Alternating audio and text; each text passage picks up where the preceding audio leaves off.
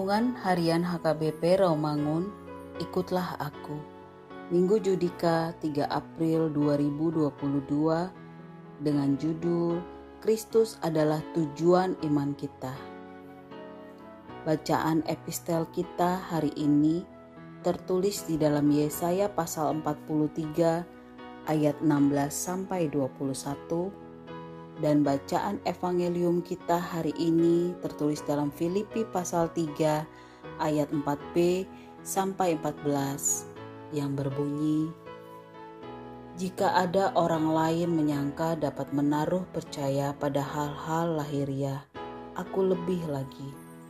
Disunat pada hari ke-8 dari bangsa Israel, dari suku Benyamin, orang Ibrani asli tentang pendirian terhadap hukum Taurat, aku orang Farisi. Tentang kegiatan aku penganiaya jemaat, tentang kebenaran dalam mentaati hukum Taurat, aku tidak bercacat.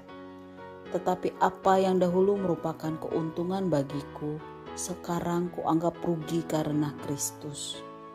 Malahan segala sesuatu kuanggap rugi karena pengenalan akan Kristus Yesus Tuhanku lebih mulia daripada semuanya. Oleh karena dialah aku telah melepaskan semuanya itu dan menganggapnya sampah supaya aku memperoleh Kristus dan berada dalam dia bukan dengan kebenaranku sendiri karena mentaati hukum Taurat melainkan dengan kebenaran karena kepercayaan kepada Kristus yaitu kebenaran yang Allah anugerahkan berdasarkan kepercayaan. Yang ku kehendaki ialah mengenal Dia dan kuasa kebangkitannya dan persekutuan dalam penderitaannya, di mana aku menjadi serupa dengan Dia dalam kematiannya, supaya aku akhirnya beroleh kebangkitan dari antara orang mati bukan seolah-olah aku telah memperoleh hal ini atau telah sempurna, melainkan aku mengejarnya. Kalau-kalau aku dapat juga menangkapnya, karena aku pun telah ditangkap oleh Kristus Yesus. Saudara-saudara, aku sendiri tidak menganggap bahwa aku telah menangkapnya, tetapi ini yang kulakukan. Aku melupakan apa yang telah di belakangku dan mengarahkan diri kepada apa yang di hadapanku, dan berlari-lari kepada tujuan untuk memperoleh hadiah, yaitu panggilan sorgawi dari Allah dalam Kristus Yesus. Demikian firman Tuhan. Sahabat, ikutlah aku yang dikasihi Tuhan Yesus Paulus memberi pemahaman akan kebenaran sejati yang sesungguhnya, sehingga Paulus mengerti mana kerugian dan yang mana keuntungan baginya. Paulus mengetahui bahwa ia tidak dapat bekerja untuk keselamatannya, karena keselamatannya sudah dikerjakan oleh Kristus. Paulus juga mendapat suatu pendirian yang baru dalam Kristus, seperti yang dikatakannya, berada dalam Dia bukan dengan kebenaranku sendiri karena mentaati hukum Taurat, melainkan dengan kebenaran karena kepercayaan kepada Kristus, seperti yang tertulis dalam Filipi pasal 3 ayat 9.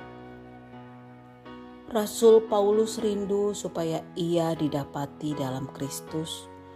Paulus menginginkan orang Kristen memiliki suatu hubungan yang erat dengan Kristus. Paulus rindu supaya ia senantiasa berada di dalam Kristus pada saat apa pun, pada waktu hidup atau mati, atau waktu di hadapan pengadilan Kristus.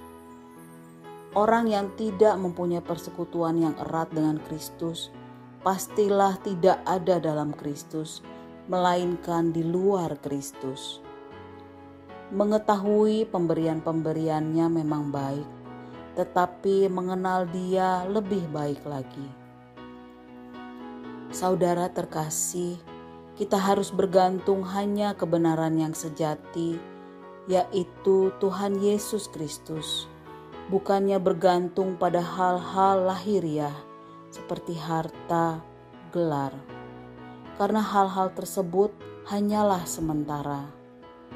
Kita belajar untuk menjadi serupa dengan Kristus, dengan meninggalkan cara hidup kita yang lama, dan terus berlomba untuk mencapai kesempurnaan tersebut dengan cara mengenalnya lebih dalam lagi dalam pengenalan akan firman Tuhan dan dalam doa. Amin. Mari kita berdoa. Ya Tuhan Yesus Kristus, ajar kami mengenal kebenaran Tuhan hingga kami memahami Kristuslah tujuan iman kami. Amin.